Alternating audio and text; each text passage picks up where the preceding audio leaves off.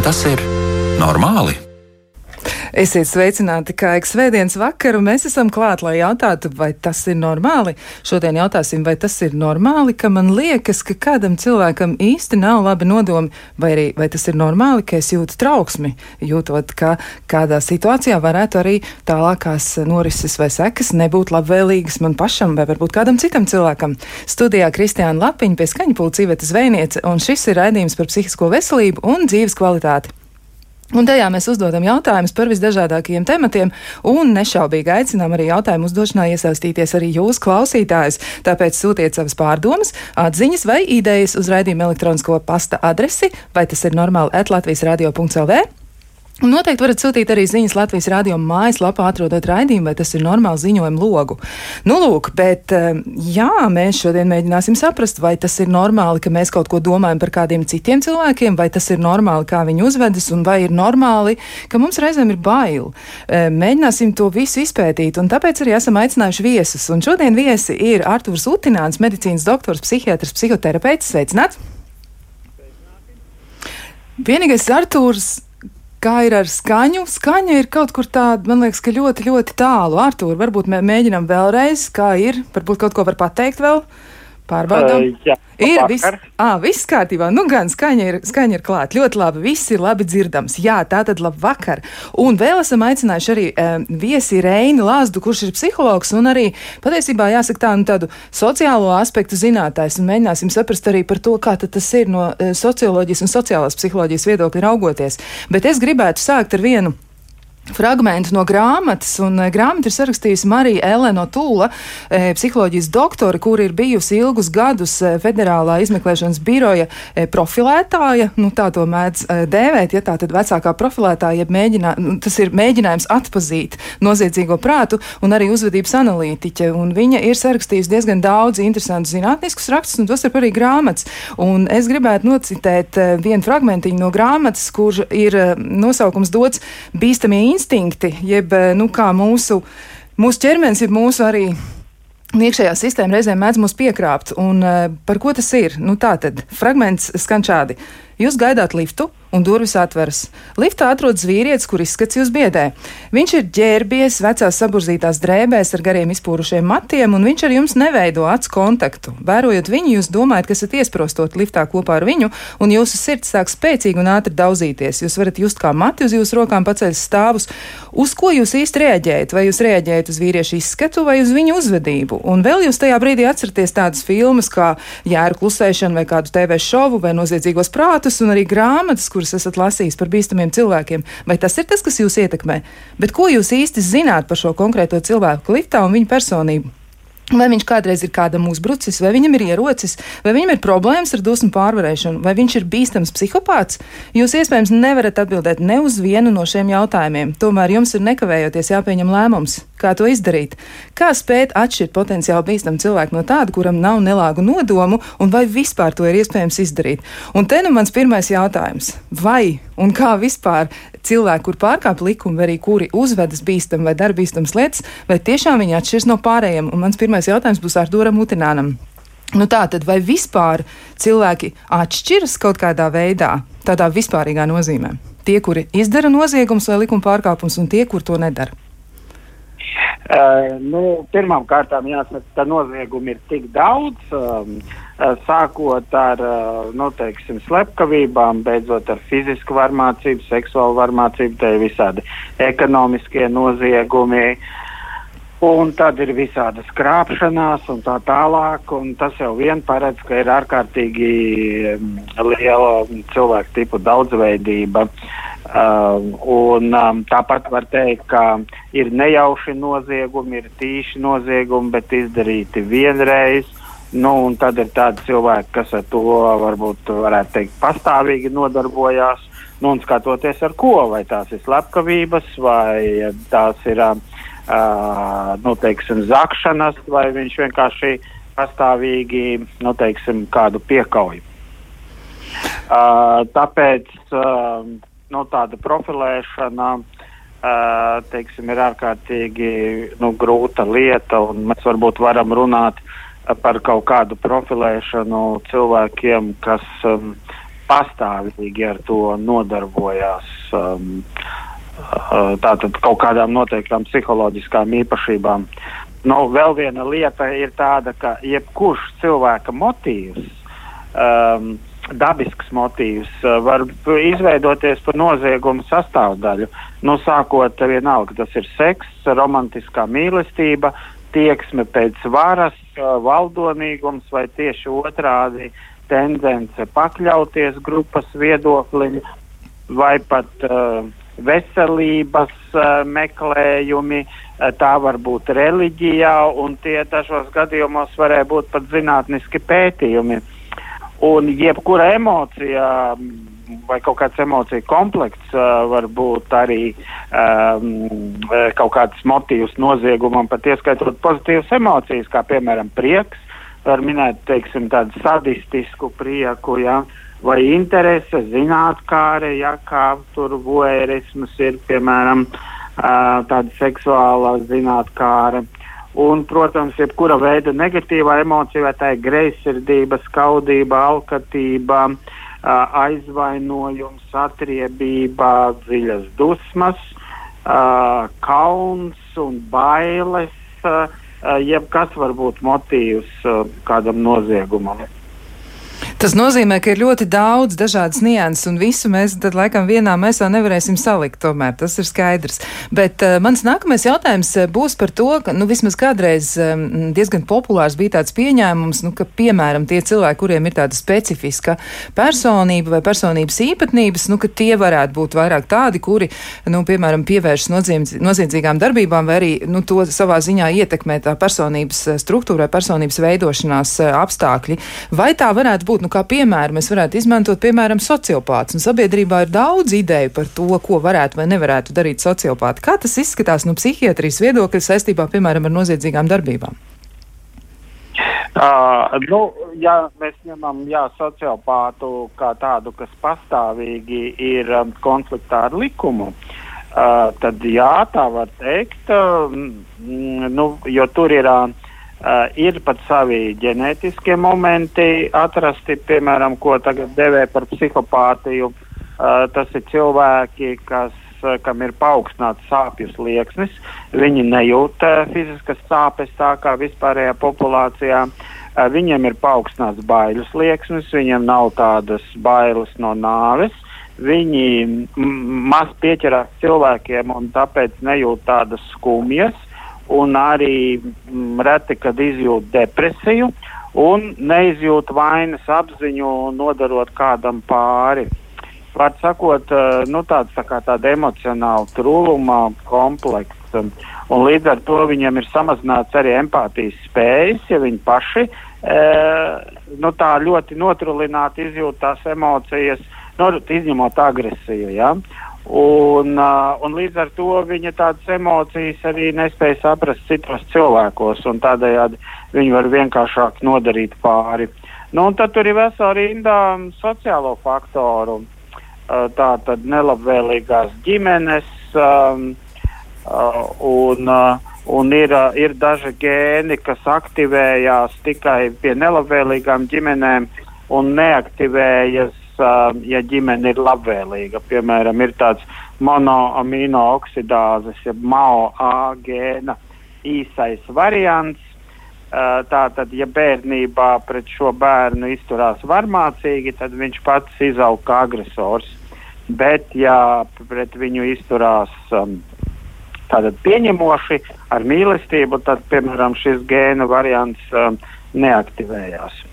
Tā, tā, tā ir interesanta lieta, bet vai to ir iespējams identificēt? Piemēram, nu, pirms ir noticis kas nelāks, pirms šis eh, jaunais cilvēks ir sācis eh, tādas noziedzīgas darbības veikt.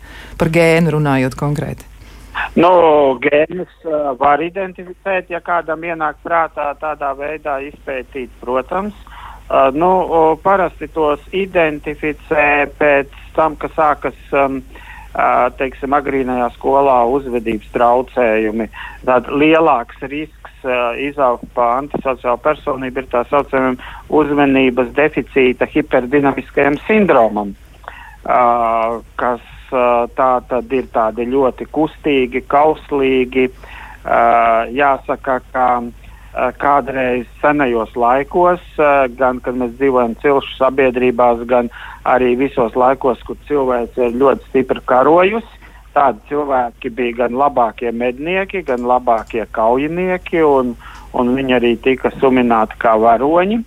Un, savukārt, miera laikos viņi e, veidojās kā tādi ļoti impulsīvi indivīdi, nu, jau sākot ar skolu, kad, uh, protams, tādu ļoti kustīgu bērnu uh, iesēdiņu skolā un liek tur izsināt kādu Pitagora teorēmu, un viņš tur tajā krēslā nu, pilnīgi nevar nosēdēt un tādējādi sāk klaiņot.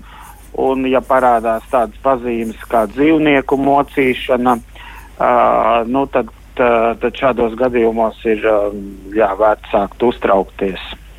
Nu, tā, tādā gadījumā var mēģināt veikt sīkāku izpēti un saprast, kas īsti notiek. Bet, eh, ja reiz tas gēns ir, tad eh, jājautā, kāda ir tā tālākā stratēģija, ko tad mēs varētu iesākt šādā situācijā. Jo, piemēram, mēs konstatējam, jā, tā notiek, ir, ir tātad uzmanības deficīts, ir hiperaktivitāte, bērnam ir ārkārtīgi grūti tikt galā ar to situāciju, kurā viņš ir nonācis. Ko tad var iesākt? Nu, kā tad, piemēram, šo uzvedību varētu nu, normalizēt? Ko ar to varētu darīt? Nu, pirmkārt, uzvedības deficīta sindromu ārstē, tā, ieskaitot arī ar medikamentiem. Otrakārt, tā ir ģimenes terapija, jo, kā jau es teicu, ļoti svarīgi koriģēt uh, vecāku attieksmi, jo tie vecāki nevienmēr ir, uh, vai visbiežāk nav nekādi tādi ļaunprāši. Uh, bet vienkārši, piemēram, tautā bieži ir bijis uzskats, piemēram, lai bērns neizaugtu kā huligāns, nu, viņš ir uh, fiziski ļoti jādisciplinē un pat fiziski jāsoda. Un, ja pa katru sīkumu, pa katru apgāstu vāzi tur, teiksim, tā kārtīgi nopērst, tad, tad viņš izaugs par uh, normālu cilvēku. Ja?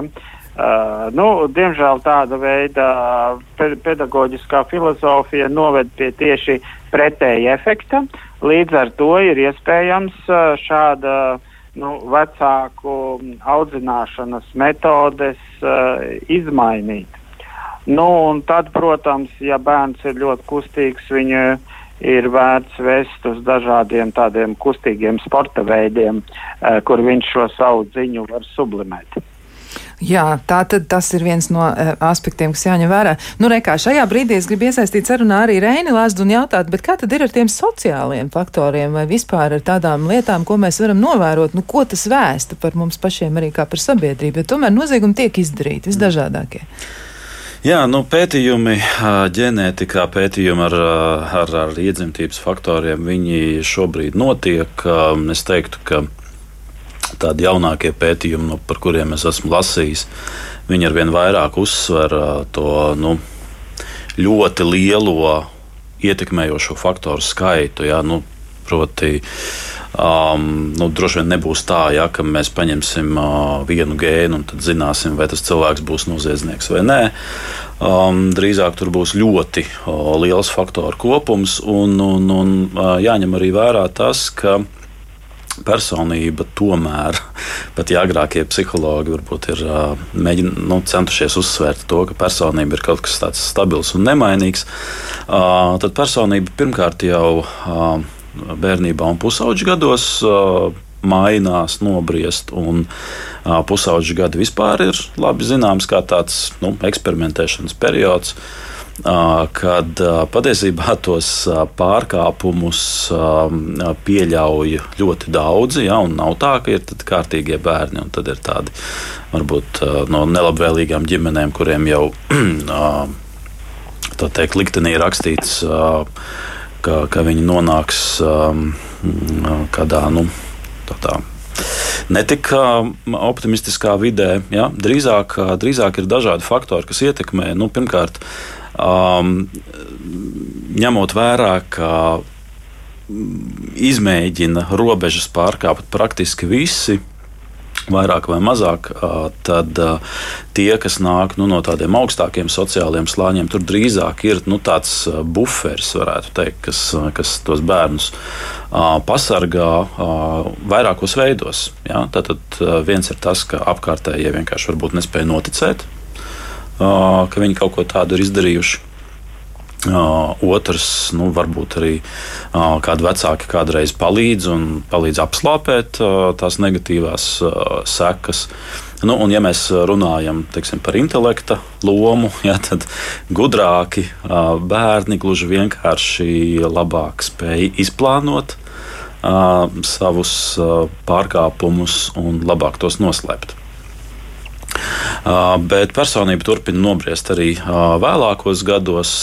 Protams, ļoti liela nozīme ir sociālajai videi, kurā cilvēks nonāk, uz ko viņu pamudina, kādi veidojas viņa priekšstati par to, ko ir pieņemami darīt, ko nav pieņemami darīt. Jā, teiksim, 90. gadu Latvijā kad bija mafija, kad bija rekets, jā, tad veidojās varbūt viena priekšstati. Um, citos, citos laikos atkal uh, citi, ja, viņi atkal mēdz pārveidoties. Uh, bet uh, patiesībā mēs arī mūsdienu sabiedrībā redzam, un, un dažādās paudzēs redzam dažādus šos viņu uh, jaunības nospiedumus, ja, kas nu, vieniem varbūt ir um, ļauj uh, domāt uh, nu, par tādās ļoti ikdienišķās lietās, ja, kā ātruma pārkāpšana vai, vai teiksim, braucot ar mašīnu, nepiesprādzēties, um, cikos iet uz darbu, ko darīt, uh, ja esi aizgulējies un tā tālāk. Ja, tā tad uh, dažādi faktori, kā jau kā jau uh, izskanēja iepriekš, protams, ka tie likuma pārkāpumi ir ļoti dažādi. Un uh, to visu apkopot ir, ir, ir, ir ārkārtīgi sarežģīti. Um, bet um, à, tad, tad vēl noteikti ir jāpiemina arī. Um, tas, ko varbūt sabiedrībā bieži sauc par pūļu efektu, ja, kad cilvēki nonākot um, nu, pūlī vai teiksim, grupā, uh, izveidojas dažādi grupas uh, fenomeni. Ja, tas, ko varbūt sociālajā psiholoģijā biežāk sauc par grupas domāšanu, kad noteiktos apstākļos nu, cilvēks būtībā pārstāja pieņemt lēmumus racionāli. Viņš vienkārši rīkojas līdzi grupai. Jā, viņam šķiet, ka grupai ir pilnīgi taisnība, vai viņš varbūt vienkārši par to nedomā. Un, nu, tad sākas visādi brīnumi. Tā, ka, Tā ir dažādi faktori, gan sociālie, gan, gan iekšējie, gan pieredzes faktori, kas, kas, kas to visu ietekmē. Starp citu, gudriem cilvēkiem un teiksim, arī tādiem radošiem cilvēkiem arī sāk paaugstināties risks, ka viņi varētu pārkāpt kādus likumus vai noteikumus. Gluži vienkārši tāpēc, ka viņi spēja labāk sev pamatot un attaisnot kāpēc tas būtu nepieciešams. Tas ir interesanti, un arī domājot par to, kā sabiedrība pati rēģē uz to, kas notiek. Nu, kaut kā taču sabiedrība ir atbildējusi uz jautājumu, kas ir un kas nav noziegums. Kas tad notiek ar to mūsu domāšanu? Jo tajā brīdī, kad mēs stāvam pie krustojuma un ir sarkanā gaisma, mēs nedrīkstētu šķērsot iet, ielu. Bet tomēr liela daļa cilvēku to dara. Arī es to esmu darījusi, un es uh, pilnīgi droši zinu, ka daļa no klausītājiem arī to ir izdarījuši. Kā mēs tad iekšēji nu, un, un arī citās darbībās to atspoguļojam? Kas tad ir noziegums un kas nav? Kurā brīdī tas kļūst par noziegumu, tas, ko cilvēki dara? Nu, vispirms es jautāšu atbildi Reinim, un tad arī noteikti Arturam Utinānam. Mm. Um. Tos cilvēku motīvus, kā viņi pieņem lēmumu, noteikti arī var, var iedalīt daudz un dažādi. Jā, ir ir teiksim, cilvēki, kuriem ļoti stingri skatās uz to, nu, ka, ja tas ir rakstīts likumā, tad tā ir jādara. Un, um, teiksim, tā, tra tradicionālā Eiropas uh, skatījumā šis ir tāds, nu, ļoti, ļoti ierasts veids, kā, uh, kā, kā redzēt likumu lomu, likumu nepieciešamību, ja, ka tas sakārto uh, sabiedrību. No otras puses, uh, nevienmēr likums ir taisnīgs. Un, um, nu, teiksim, jā, kā, kā rīkoties, ja, ja, ja tu redzi, ka um, nu, ir tā sarkanā gaisma, ja, bet nu, pēkšņi tur uh, notiek kaut kas cits, ja kāds, kāds varbūt ir pakritis ceļa vidū. Ko darīt? Ja? Iet palīgā vai nē? Vai teiksim, ko darīt, ja tu redzi, ka nu, tuvumā nav vienkārši nevienas mašīnas? Vai, vai teiksim, arī var, uh, viens variants. Um, Uzstādīts luksofors, bet tu, tur cilvēks dzīvo un zina, ka mašīnas tur praktiski nekad nebrauc. Ja? Nu, tās ir dažādas situācijas. Un, protams, ka cilvēki pieņem lēmumus dažādi. Ir tādi, kur ļoti stingri skatās uz, uz to, kas ir, kas ir teikts likumā, kā jādara, kā nav jādara. Tad ir cilvēki, kuriem skatās vienkārši uz to, vai es par to saņemšu sodu vai nesaņemšu. Un tad ir cilvēki, kuri nu, varbūt vairāk izvērtē kādas būs tā nodarījuma sekas, nu, ne tikai man personīgi, bet varbūt sabiedrībai. Ja es zinu, ka ir, ir cilvēki, kuri, piemēram, principiāli ievēro noteikumus un neskrien pāri pie sarkanās gaismas, tad, ja tuvumā ir kāds bērns, kurš varētu noskatīties, nu, varbūt neapdomīgi darīt līdzīgi. Jā, bet kas to zina? Varbūt kāds bērns ir kaut kur tālāk, un viņš vēro to visu no mājas loga, un mēs nemaz nezinām, ka viņš tur ir. Tas nozīmē, ka mēs savā ziņā esam mazliet divkosīgi to lēmumu pieņemšanā. Bet uh, arī Artūram es gribu jautāt, nu kā tad ir? Mm, kas tad nosaka mūsu attieksmi pret to, kurā brīdī kāda darbība kļūst par noziegumu? Kā mēs to izvērtējam? Kas ir tas ceļš, kas tad ir mūsu galvā? Bez tā, ko jau minēja Rēns Lāsds, jo tur bija ļoti daudz argumentu. Uh, jā, varbūt tās par kuru noziegumu iet runa, vai tas ir par kaut kādām slepkavībām, vai nu. uh, jo uh, daudz, uh, pirmkārt, uh, mums tāda antisociāla tendence ir izveidojušies kaut vai tīri evolūcijas ceļā, piedāvām, kas ir par dzīvniekiem. Nu, piemēram, mānīties, krāpties, atņemt kādam kaut ko, kaut kādus resursus, uh, piemēram, pats par sevi nogalināt, uh, pat nogalināt um, svešus bērnus, Uh, tām, tām visām ir uh, nu, teiksim, jau tādas evolucionāras predispozīcijas. Uh, nu, piemēram, ir zināms, ka uh, patēvs nogalinās um, uh, nu, svešu bērnu. Uh, teiksim, tādā valstī kā Kanādā atrast statistiski pat 80 reizes biežāk nekā bioloģiskais tēvs nogalinās savu bērnu. Uh, Um, un, tam ir, un tam ir ģenētiski momenti, kam ir uh, nu, paralēli dzīvnieku pasaulē, jā, kur, uh, kur, piemēram, arī nu, teiksim, lauva nogalinās svešā uh, lauva tēviņa bērnus uh, tikai tāpēc, lai atbrīvotu, tā sakot, dzīves telpu saviem bērniem. Um, tā kā da, diezgan daudz no tiem motīviem ir mums seni, un jau ir tā sakot, neironos ierakstīti no mūsu, mūsu akmens laikmeta psihē un vēl, un vēl iepriekš. Citi atkal noziegumi ir tīri tādi, kas ir tikai mūsu nu, teiksim, civilizācijas attīstībā. Uh, nu, piemēram, ne tikai ekonomiskie noziegumi, bet arī dažādi noziegumi internetā, jā, tur, uh, ar tiem pašiem hakeriem un, un tā tālāk. Un tad, protams, ir atkarīgs diezgan daudz seksuālie noziegumi, ir arī atkarīgi, kā viņi definē kā noziegumu dažādās, dažādās tautās atkarībā no paražām. Uh, varbūt, ka varētu precizēt, uh, par, ko, par ko tieši te vajadzētu runāt.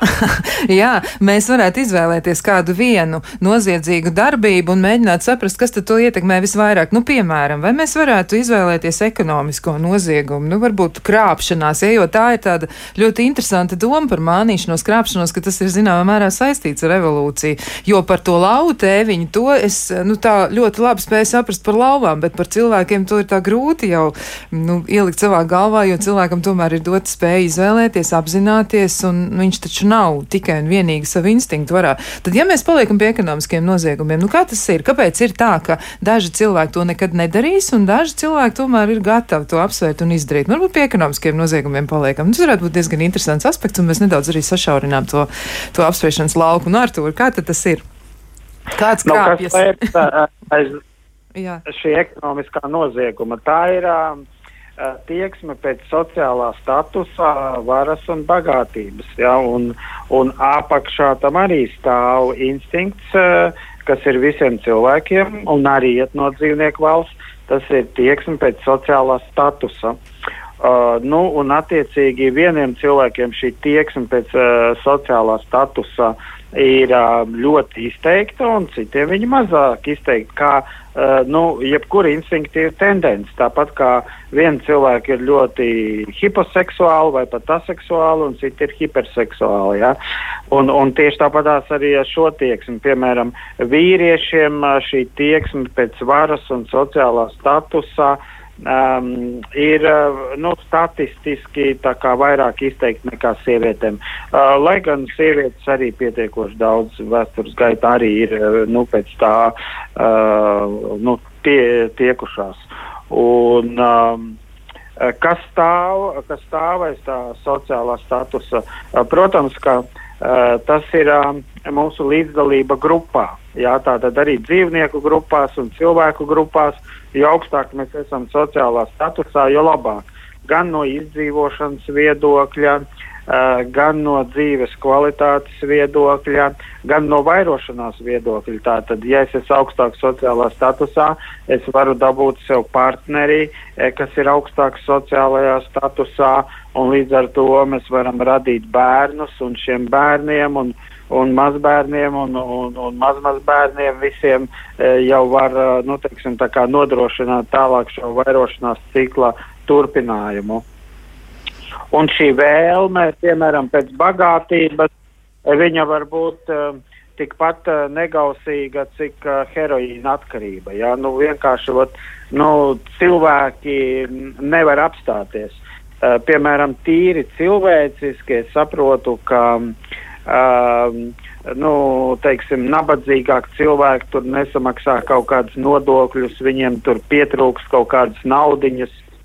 Uh, bet, uh, piemēram, pamēģināt uh, saprast uh, ļoti bagātu cilvēku, tur, uh, nu, piemēram, tur uh, bagāti sportisti, vat, kā Kristiānu un Ronaldu, tur kaut kāda krāpšanās ar nodokļiem, viņam ir tik daudz miljonu, nu, ka liekas, nu, nu kas tev ir, nu, ko, ko tev vēl vajag, nu, taču, nezinu, nu, tu vēl vienu zelta gultu sev nopirksi vai ko, vai vēl trešo jahtu vai 25. automašīnu.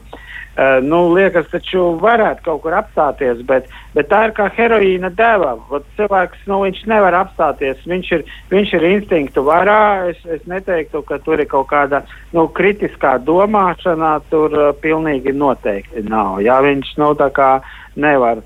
Um, uh, piemēram, uh, pretēji, jā, arī starp bagātiem cilvēkiem tāda izplatās tāda cita filozofija, kas saucās minimālisms. Jā, ka tev nevajag piepirkt mantām pilnu māju, uh, bet, uh, nu, teiksim, dzīvot asketiski un ka pat laimīga dzīve zināmā mērā, nu, pieņems saistīta ar to, ka ir pietiekoši naudas, bet tu dzīvo asketiski. Uh, tas būtu tā kā vairāk, kad, uh, nu, jau ņem pāri tāda uh, sakarīgāka, saprātīgāka domāšana.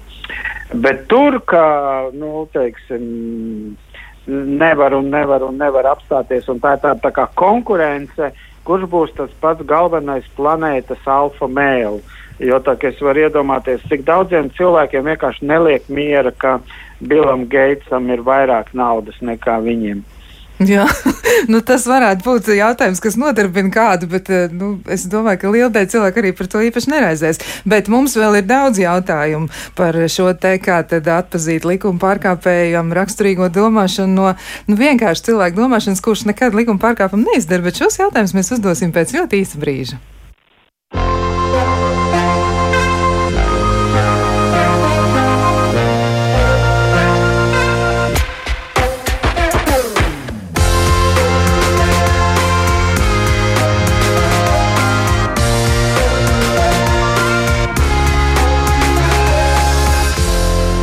Vai tas ir normāli?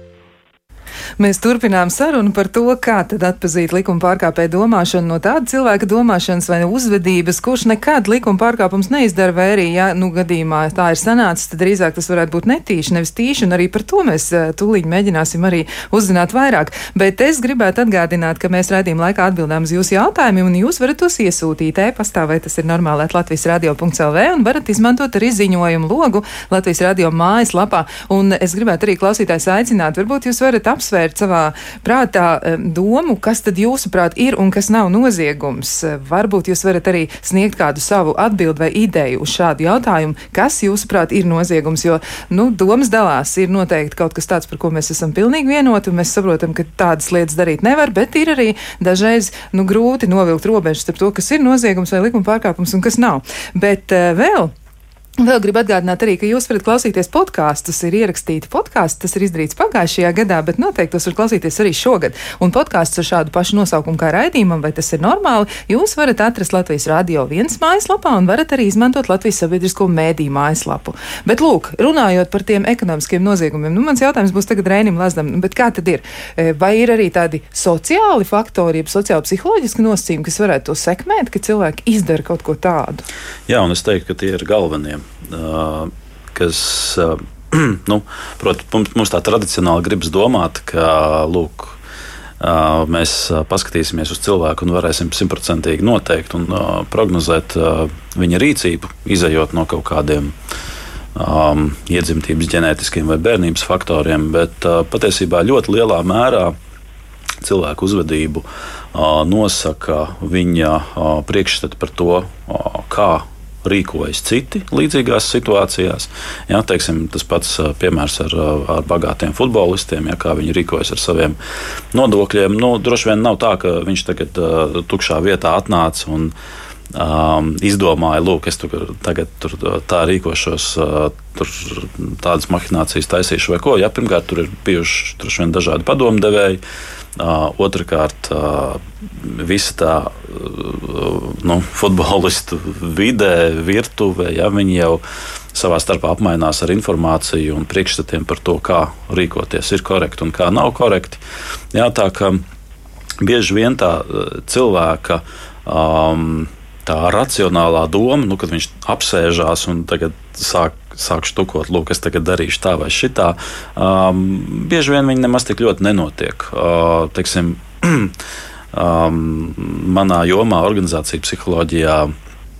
80. gados uh, parādījās tādi testi, kur gluži vienkārši cilvēkiem jautāja, uzdeva jautājumus, nu, kā tev šķiet, uh, vai, uh, vai kavēt darbu ir normāli, ja, vai, vai teiksim, uh, mm, paņemt darbā balto papīru, nu, šo mm, printeru papīru un aiznest mājās, ir normāli vai nav.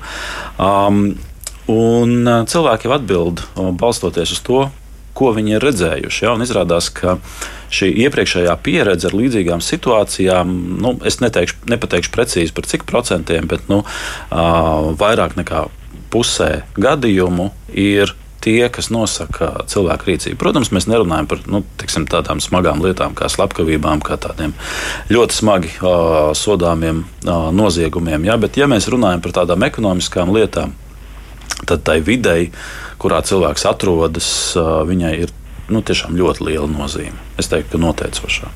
Vai tas varētu būt par eh, to, ko sociālajā psiholoģijā ir arī noskaidrojuši, ir tā saucamā atļaujošā norma, ja, nu, ka cilvēki pamana, ka kāds kaut ko dara, un tad uh, viņi izdomā, ka viņi arī tā var darīt, vai arī tas varētu būt vairāk par to iesaistīšanos grupā, nu, ja reiz citi tā dara, es taču arī varu tā izdarīt. Tur ir dažādi faktori. Viens ir tas, ka jā, cilvēki patiešām vienkārši noskatās viens no otra un mācās noskatoties. Um, otrs ir uh, tas, ka um, arī teiksim, vēlēšanās piederēt kādai grupai ir uh, svarīgi. Nu, ja cilvēks teiksim, identificējas, lūk, es, es piedaru. Nu, nezinu, kaut kādiem noteiktiem vietējiem uzņēmējiem. Ja, ja viņam ir priekšstats, viņš ir vai lasījis intervijas vai runājis um, ar, ar, ar cilvēkiem, kuri tādi ir. Uh, vai filmās redzējis, um, kāpēc, starp citu, vien, viens būtisks faktors, kāpēc um, pēc Padomju Savienības sabrukuma bija nu, tik, tik daudz tādu varbūt uh, kriminālu, mafiozu struktūru, ja, tāpēc, ka nu, bija populāras filmas, kurās šāda. Šāda uzvedība tika asociēta ar to, nu, kā uzņēmēji rietumos rīkojas. Ja? Un tad, tad, kad, tad, kad cilvēkiem bija iespēja, nu, viņi šo uzvedību būtībā kopēja. Ja? Tā, ka, protams, ka tai kopēšanai ir ļoti liela nozīme. Um, bet grupas ietekme jau var būt var nākt dažādos veidos, un, un, un, un teiksim, nu, cilvēks, kurš ir iesaistīts kaut kādā organizācijā, ja, kurā ir jāpieņem kādi lēmumi, bieži vien nu, tas nav tāds vienkāršs lēmums. Ja, mēs tagad vai nu zaksim, vai nu mēs nezaksim. Ja? Tur ir nu, saistītie faktori. Teiksim, nu, mums to naudu vajadzētu kaut kādam tādam nolūkam. Ja? Um, nu, to nodoklīt varbūt šodien nesamaksāsim, jā, varbūt mēs tur rīt samaksāsim. Bet varbūt a, mēs taču nezinām, kur tos nodokļus, vai tos nodokļus vispār godīgi izmak, iz, uh, izmanto. Jā. izmanto jā, varbūt tur. Varbūt tur politiķi nozoga kaut ko pa ceļam. Jā, Latvijā ļoti populārs viedoklis. Nav vērts maksāt nodokļus, tāpēc ka tāpat nozags. Jā. Būtībā tas ir attaisnojums. Jā. Cilvēks jau um, ir atradis veidu, kā attaisnot to, ka viņš nerīkojas korekti.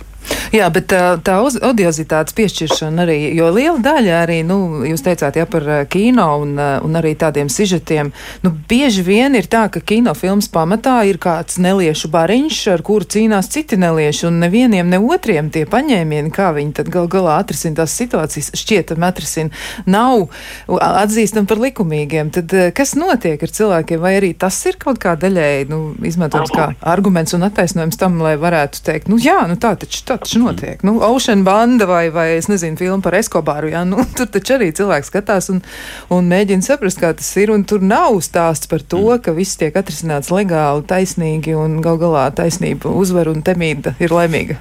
Jā, ne, nu, cilvēkiem vispār patīk tāds stāsts, kas atšķiras no, no ikdienas. Nu, mēs, protams, varētu uzņemt filmu par grāmatvedi, kā viņš no rīta pieceļās, iet uz darbu un nostrādā dienu un iet mājās, bet droši vien tas lielākajai daļai cilvēku nešķist interesanti interesanti. Ja? Interesanti šķiet tas, ko cilvēks nepazīst. Ja? Viņš tādā veidā nu, tā mācās. Viņš, mm, nu, tas ir tas mūsu, varētu teikt, instinkts, ja? mācīšanās instinkts kas notiktu, ja es not, nonāktu šādā situācijā. Ja, un šī, šis uh, iekšējais jautājums, kur cilvēks varbūt pat tā sev atklāti neuzdod, viņš vienkārši kaut kur pastāv. Tad, skatoties filmas, mēs būtībā apgūstam tādus variantus. Ja, tāpēc šausmu filmas ir tik populāras. Ja cilvēkiem, uh, cilvēkiem taču ir bail, ja, un viņi nu, domā, nu labi, bet ja tagad kaut kas notiks. Ja, saskatās šausmu filmas un, un jūtas drošāks patiesībā. Ja, viņam ir kaut kādas idejas, kā varētu rīkoties. Um, ar tādiem noziedzniekiem.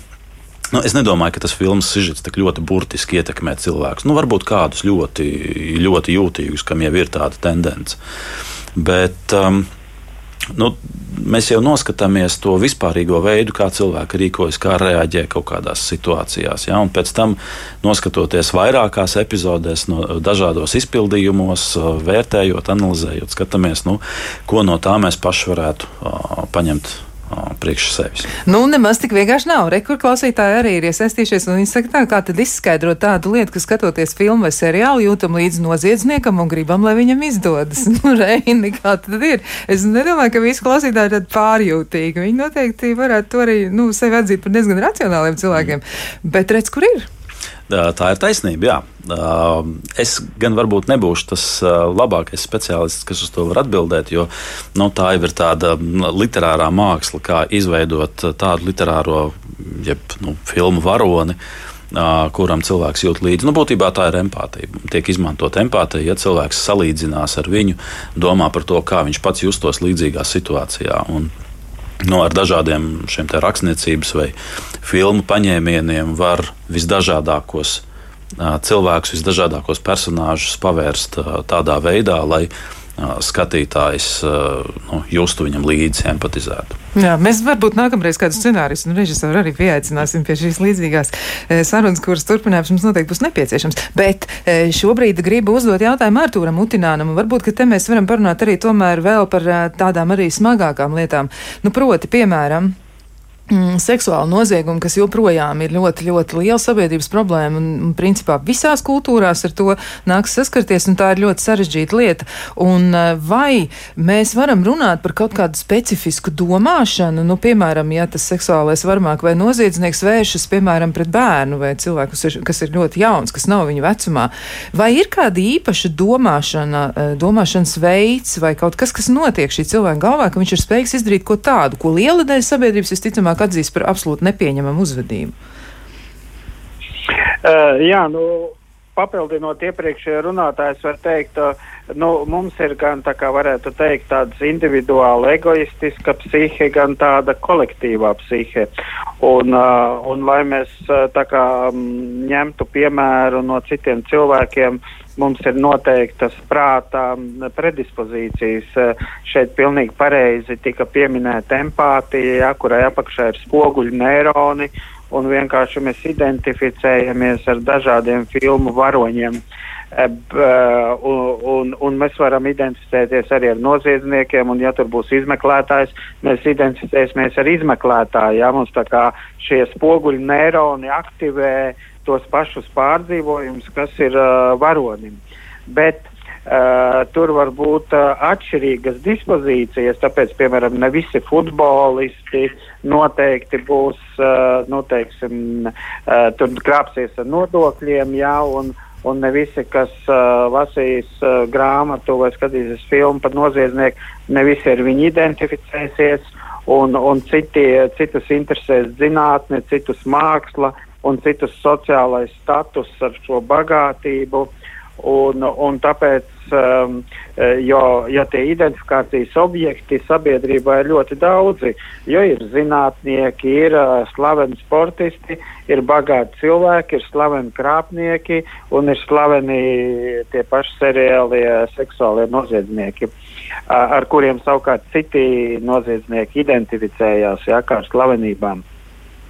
Un, ja mēs runājam par teiksim, kaut vai tādu seksuālu varmācību pret bērniem, Uh, kur apakšā var būt pedofīlija. Atkal mēs atradīsim uh, smadzeņu dispozīcijas, jā, kā tagad um, pat pētnieki runā, ka, piemēram, pedofīlija tas ir uh, varbūt arī tāds seksuālās orientācijas veids, jā, jo varbūt tādi cilvēki, uh, biežāk gan vīrieši, bet arī sievietes, uh, uh, kam interesē tikai un vienīgi bērni un pieaudzis cilvēks nekādu seksuālu in interesi neizraisa. Ja? Uh, tā saucamie ekskluzīvie pedofili.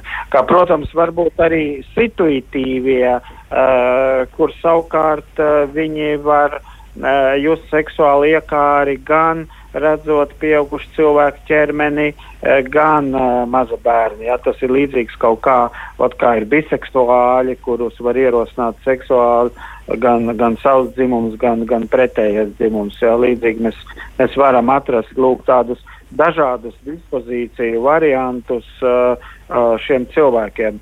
Un, un tā dispozīcija ir tik izteikta, uh, jā, ja viņa ir piemēram pietiekoši šaura. Uh, nu, ka nekāda medicīna šobrīd to nevar izārstēt. Uh, nu, piemēram, tieši tāpatās, kā mēs zinām, cilvēks var būt heteroseksuāls, vai homoseksuāls. Ja, un, un viss, un tas ir bioloģiski, un tur neko nevar darīt. Un tāpat arī var būt šī ekskluzīvā pedofīlijas gadījumā. Uh, viņu interesē tikai bērni, jā, un, un, un tas ir arī viss. Jā. Vienīgais ārstēšanās veids ir uh, um, atturēties no seksuālām attiecībām vispār, jā, ko varētu pielīdzināt, nu, piemēram, kā alkohola atkarīgais vai narkotika atkarīgais, piemēram, grib tikt vaļā no alkohola vai heroīna. Jā, tā tad uh, viņam jāatsakās vispār pilnīgi no kontakta ar šīm vielām. Uh, nu, tas, tas var aiziet līdz tādai pakāpei, un, un šajā ziņā varētu teikt, ka Uh, jā, atkal uh, pareizi iepriekšējais runātais teica, ka uh, mūsu smadzeņu nostādnes un domāšana var mainīties, un ir tā elastīgā daļa, uh, bet tai pašā laikā katrām izmaiņām ir kaut kādas robežas, un ir šī neelastīgā daļa, piemēram, kā šajā gadījumā. Um, Lūk, um, nav, nav tādu ideālu metožu, kā uh, nu, teiksim, izārstēt uh, šo uh, ekskluzīvo pedofīlu savādāk kā vien uh, nu, strādāt ar viņu tā, lai viņš uh, fokusējas uz kaut kādiem citiem dzīves mērķiem un, un atsakās no seksuālām attiecībām vispār. Nu, rekā, bet tas nozīmē, ka tādā gadījumā vajadzētu panākt to, ka mēs ļoti, ļoti precīzi spējam saprast, kas tad ir ierosinājis to nepieņemo vai noziedzīgo uzvedību, ja beig beigās tā par tādu tiek kvalificēta. Bet vai tā varētu būt arī, ka eh, nu, mēs varam prognozēt iepriekš, jo, nu, man liekas, ka arī e, dr. Sutināns teica par to, ka, nu, ir sociopātiska uzvedība, tā varētu būt atpazīstama arī agrīna bērnībā, ja uzmanības deficīts, hiperaktivitāte un tādas lietas. Bet vai mēs varam to tā atšķirt ļoti skaidri? Nu, piemēram, vardarbīgas uzvedības gadījumā. Vai mēs to varam nu, tā ļoti sekmīgi prognozēt? Kā tas ir, Artur? Nu, vardarbību mēs varam, ja bērns ir vardarbīgs. Ja. Eh, nu, kaut kādā mērā, jo nu, arī tāds bērns, kurš bērnībā bija ļoti kustīgs un kauslīgs, uh, viņš jaunieša gados pēkšņi var pārvērsties par ļoti kautrīgu jaunekli. Ja? Uh, nu, tas ir viens variants. Bet, bet var arī būt tā, ja, ka tieši pusauģa laikā pamostās uh, tāda tendence un vardarbība, un viņi nostiprinās uh, tai pieaugušo laikā. Bet savukārt tādu tendenci uz pedofīliju mēs noprognozēt nevaram, kaut vai tāpēc vien, ka bērnībā lielai daļai cilvēku uh, uh, ir šīs, um, sākot jau ar bērnu dārzu, varbūt tā saucamās seksuālās simpātijas. Uh, nu, piemēram, pie heteroseksuālas orientācijas pret pretējo uh, dzimumu. Jā, es tā kā atceros, man pašam bērnu dārzā patika tur. Um, Uh, nu, tādas uh, vienaudzes meitenes, ja tā var sakot. Bet tad kaut kādā normālā attīstības gaitā, tad, kad mēs augam, uh, šī seksuālā uh, seksuālais objekts, viņš ar it kā aug līdzi. Ja? Un pusauģu gados tā varbūt tad skatās uz, uz, uz pusaudzēm, un tad uh, jauniešu vecumā uz tādām jaunākiem, un tad pieaugušā vecumā uz pieaugušākiem cilvēkiem. Uh, bet, lūk, uh, pedofīlijas gadījumā tur notiek kaut kāda tāda nobremzēšanās, ka tas ideālais tāds uh, seksuālais objekts, viņš tikai mm, ie, iesalst, ja, un, un, un tālāk niet, neattīstās līdz tiem pieaugušu cilvēka parametriem ar, ar sekundārajām dzimumu pazīmēm. Un kāpēc tas tā notiek, dažiem nav zināms. Uh, ir kaut kādas hipotēzes, protams, par psihotraumām. Uh, kas ir bijušas ar kaut kādiem pieaugušākiem cilvēkiem, un tāpēc cilvēks paliek nofiksējies uz to um, jaunības uh, uh, vai agrīnas jaunības dienu mīlestību. Uh, bet citos gadījumos tas ir nu, diezgan, diezgan neizskaidrojami. Un šobrīd tajā zinātnē tur nav vēl tādas galīgas atbildes. Nu, rekā, tā tad vēl tomēr ir diezgan daudz jautājumu, kas ir jāatrisina.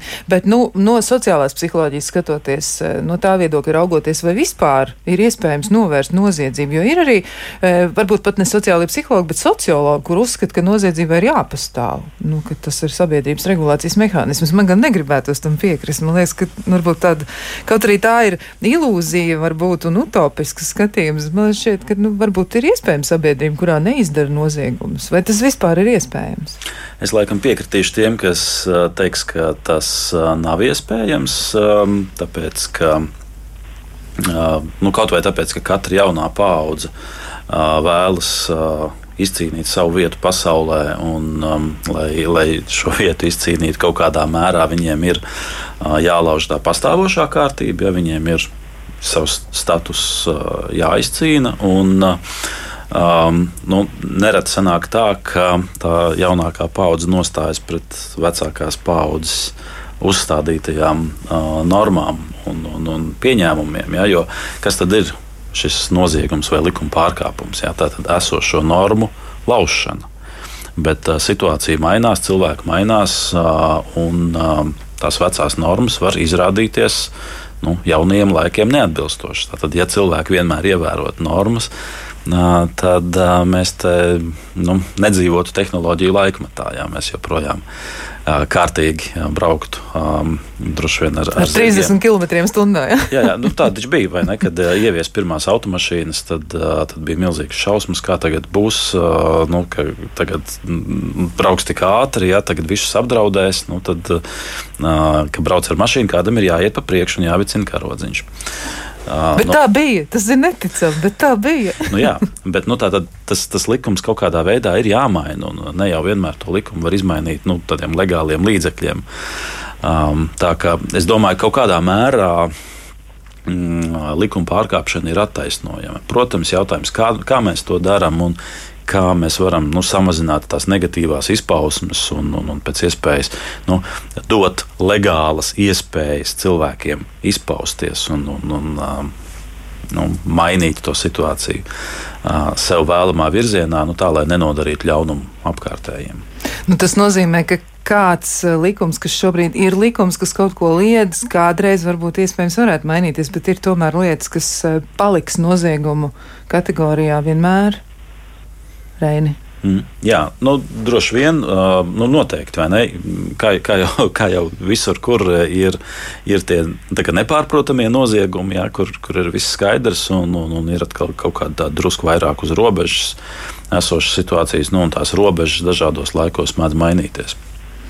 Jā, nu tā tad tas ir kas tāds, kas noteikti arī ir jāmēģina, jāmēģina analizēt eh, un eh, jāmēģina arī vairāk saprast. Izskatās arī, ka tas, ko mēs eh, vēl šodien bijām nolēmuši mazliet vairāk izpētīt, mums vienkārši īstam neatlika laika, bet mēs varētu par to padomāt, proti, piemēram, par dažādiem mītiem un pieņēmumiem un stereotipiem, nu, par to, ko cilvēki domā, kāds ir noziedznieks, jo viņiem ir droši vien ļoti daudz ideju par to, kā viņš varētu izskatīties, bet tās absolūti nav nu, tādas, kas eh, dabā varētu attaisnoties. Un arī šeit es gribētu atsaukties uz jau iepriekš pieminēto eh, Marijas Elēnas Vatūlas grāmatu, jo viņa ir arī minējusi vairākas lietas, eh, nu, piemēram, kāds izskatās ļoti tīrs un ārkārtīgi jauks, ja, un šis cilvēks varētu būt tāds, ar kuru mēs labprāt satiktos, bet var izrādīties arī, ka bīstami cilvēki izskatās ļoti jauki un patīkami, un nebūtu nav viss tik vienkārši. Vai arī kāds, kuram pieder suns, ja suņu mīļotāji, viņi taču noteikti nevarētu būt ļauni, ja, viņi noteikti nav nav cilvēki ar nelāgiem nodomiem.